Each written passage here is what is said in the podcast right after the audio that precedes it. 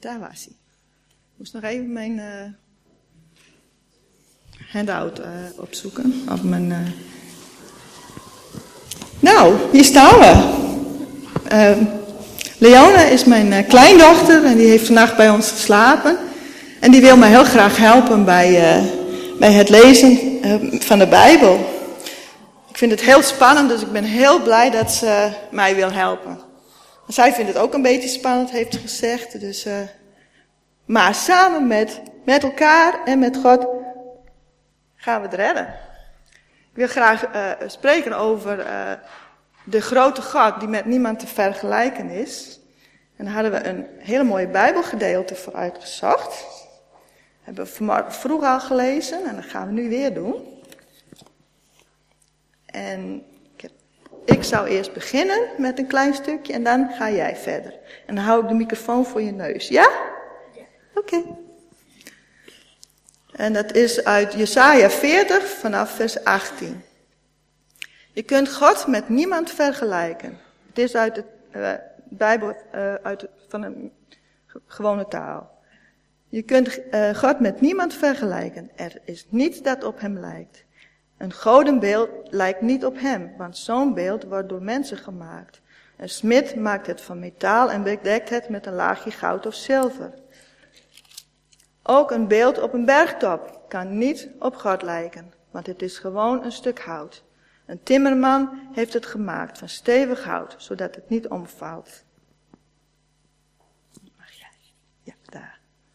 Inwoners van Jeruzalem Weten jullie dan niet hoe God is? Hebben jullie het niet gehoord? Dat is jullie toch al lang geleden verteld, dat was al duidelijk. Toen de aarde gemaakt werd, de troon van God staat boven de aarde. God woont in de hemel, ver boven de aarde. Hij heeft de hemel gemaakt als een tent waarin hij kan wonen. Daar staat zijn troon en vanaf die troon ziet hij de mensen zo klein als sprinkhanen. Koningen en leiders betekenen niets voor God. Ze hebben geen enkele macht. Ze zijn zomaar weer verdwenen als de ene koning net op de troon zit, wordt hij alweer vervangen door de volgende. Je kunt de heilige God met niemand vergelijken. Hij is aan niemand gelijk. Kijk maar eens omhoog. Wie heeft al die sterren gemaakt? God zelf, hij laat alle sterren aan de hemel verschijnen. Hij roept ze een voor een bij hun naam. Er ontbreekt meer een ster volk van Israël. Ja, goed zo. Jullie zeggen de Heer let niet op ons. Hij ziet niet dat we slecht behandeld worden. Maar waarom zeggen jullie dat? Jullie weten toch dat de Heer voor altijd regeert. Hij heeft de hele aarde gemaakt.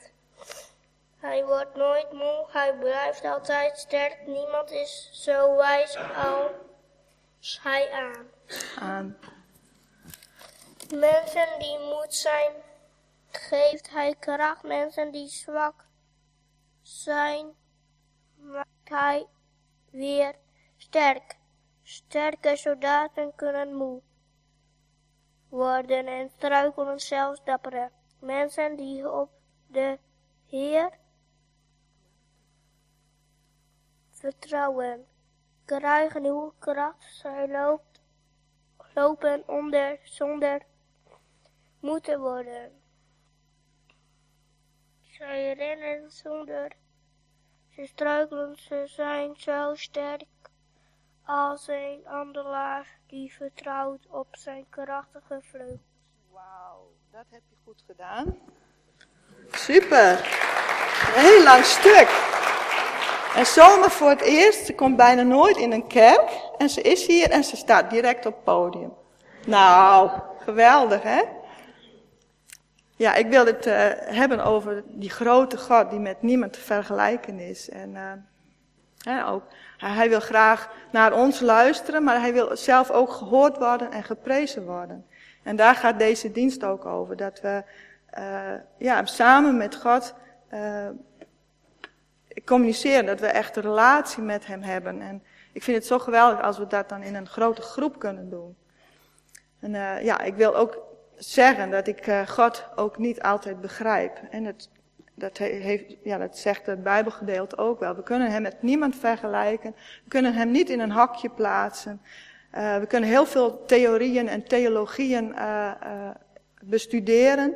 En toch, tenminste voor mij lijkt God heel vaak ongrijpbaar. Ik, ik, heb het, ik ben eigenlijk mijn leven lang al zoekend en biddend. En ben ook door diepe dalen gegaan, maar ook op hoge bergen samen met God heb ik hem mogen aanbidden met heel veel passie en liefde. En heb ik dat ook ervaren. Ik heb hem zijn glorie gezien. Ik heb zijn uh, woorden gehoord vanuit de Bijbel, maar ook in mijn gedachten. Ook, ik heb ook wel eens dromen gehad. Dus er zijn heel veel verschillende manieren waarop God ook met mij heeft gesproken. En ik wil daar een, een getuigenis over geven.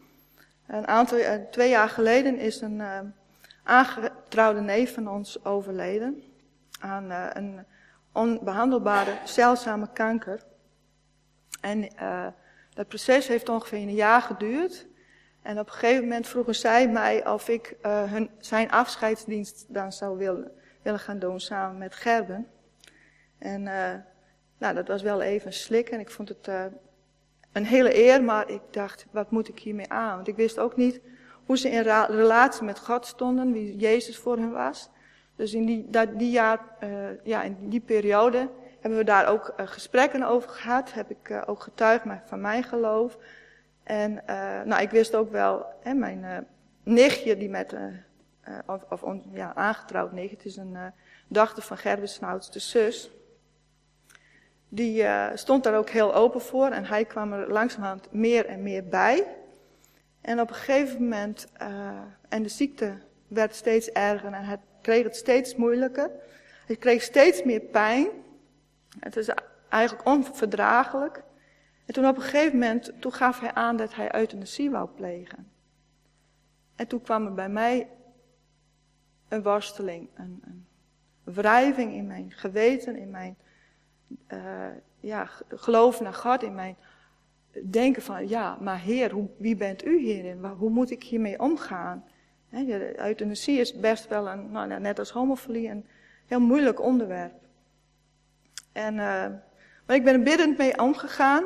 Ik, heb, uh, ik ben meegegaan in dat proces. Ik heb echt, uh, in afhankelijk van God, ja, ben ik ook het gesprek met hun aangegaan. Ik, ben, ik heb hun hart geproefd. Ik heb ook zijn pijn gezien. Het was heel, heel heftig.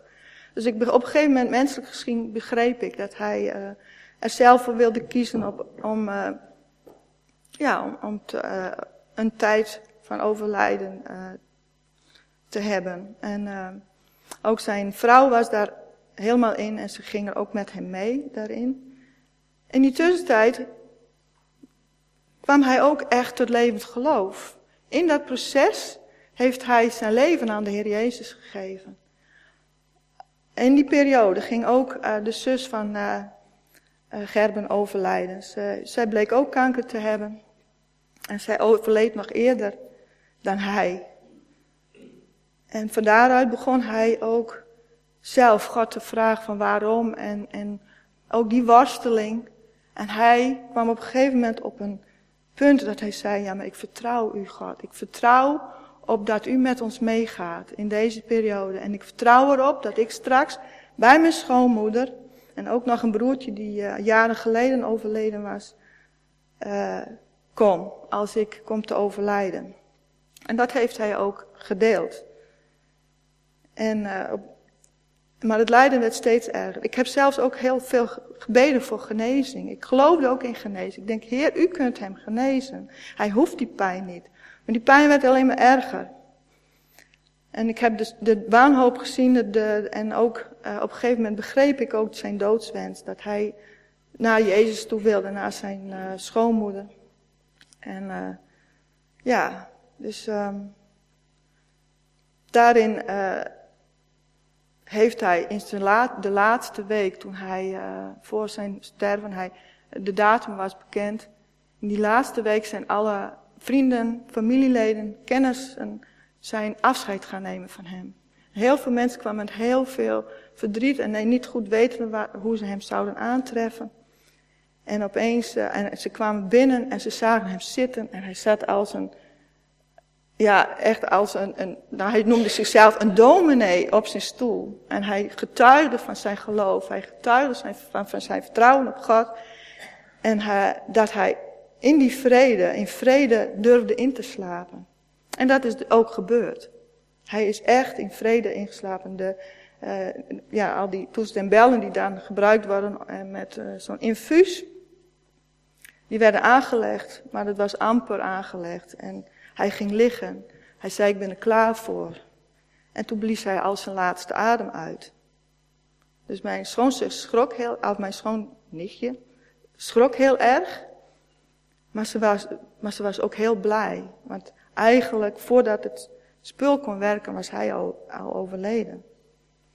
En dat heeft mij dus ook uh, laten zien dat ik God niet ergens in een hokje kan plaatsen. Ik kan niet van tevoren bedenken dat als iemand euthanasie wil gaan plegen, uh, hoe ik daarop ga reageren. Ik kan heel veel overtuigingen hebben, ik kan er een theologie aan vastplakken, ik kan ook vanuit mijn geweten uh, bezwaren hebben. Maar God bepaalt. En God had de regie in dit hele proces.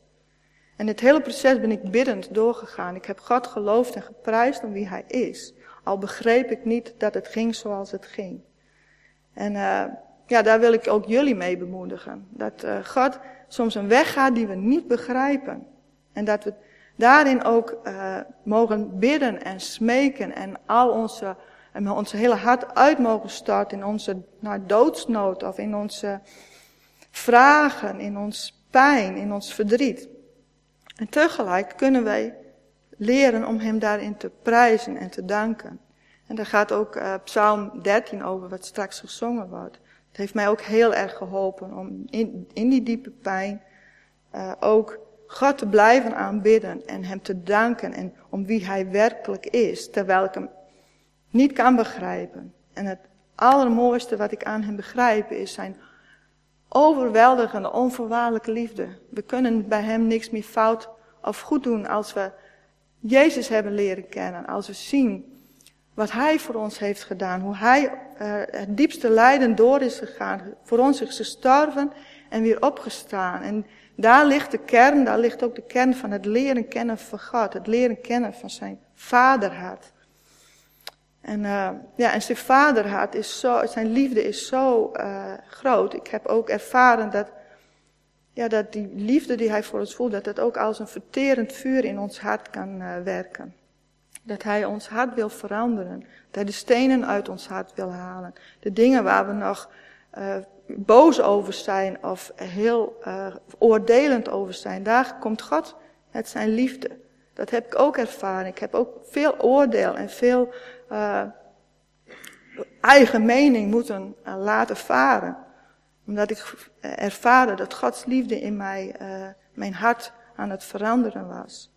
En daar, dat gaat ook door een pijn. Dat kan ook heel pijnlijk zijn, omdat je bepaalde dingen niet kunt loslaten of omdat je God niet meer begrijpt. Ik heb het wel uitgeschreeuwd. Heer, ik snap er helemaal niks van. Wie bent u nou? Wat moet ik nou denken? Wat moet ik nou voelen? Wie bent u? En daarin heeft, is God mij tegemoet gekomen. Daarin ben ik naar God genaderd. In mijn vragen, in mijn uh, worstelen, in mijn pijn. En daar heeft God mij antwoord gegeven, maar ook redding. Redding van mijn eigen onwil, van mijn eigen onmacht.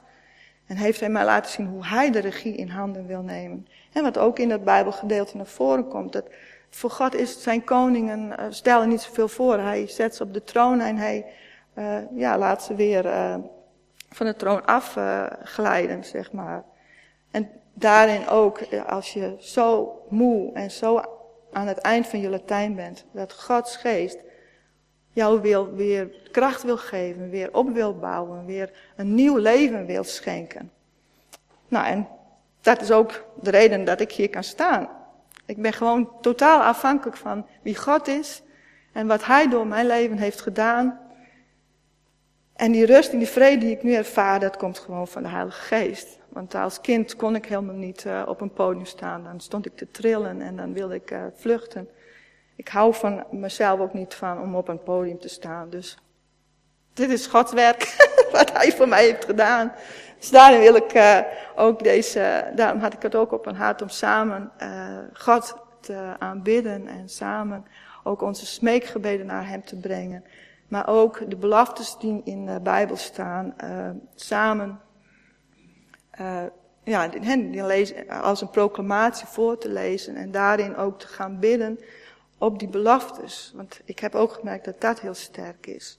Dat Gods beloftes uh, ja en amen zijn. Als je daar ook in geloof de Bijbel gaat lezen en het gaat luidop gaat uitspreken en Heer, dit is wat u zegt, dan, ja, dan, dan verdwijnt de angst en dan wordt je geloof opgebouwd en dan zie je ook dat God voor je uitgaat als uh, op zijn eigen manier, volgens zijn eigen regie, volgens zijn plan.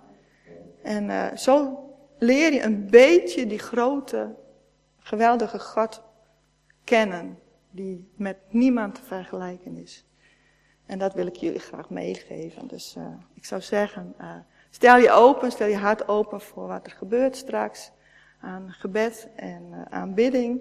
En die combinatie, dat we eh, liederen zingen en dan uh, aansluitend weer gaan bidden en weer liederen gaan zingen.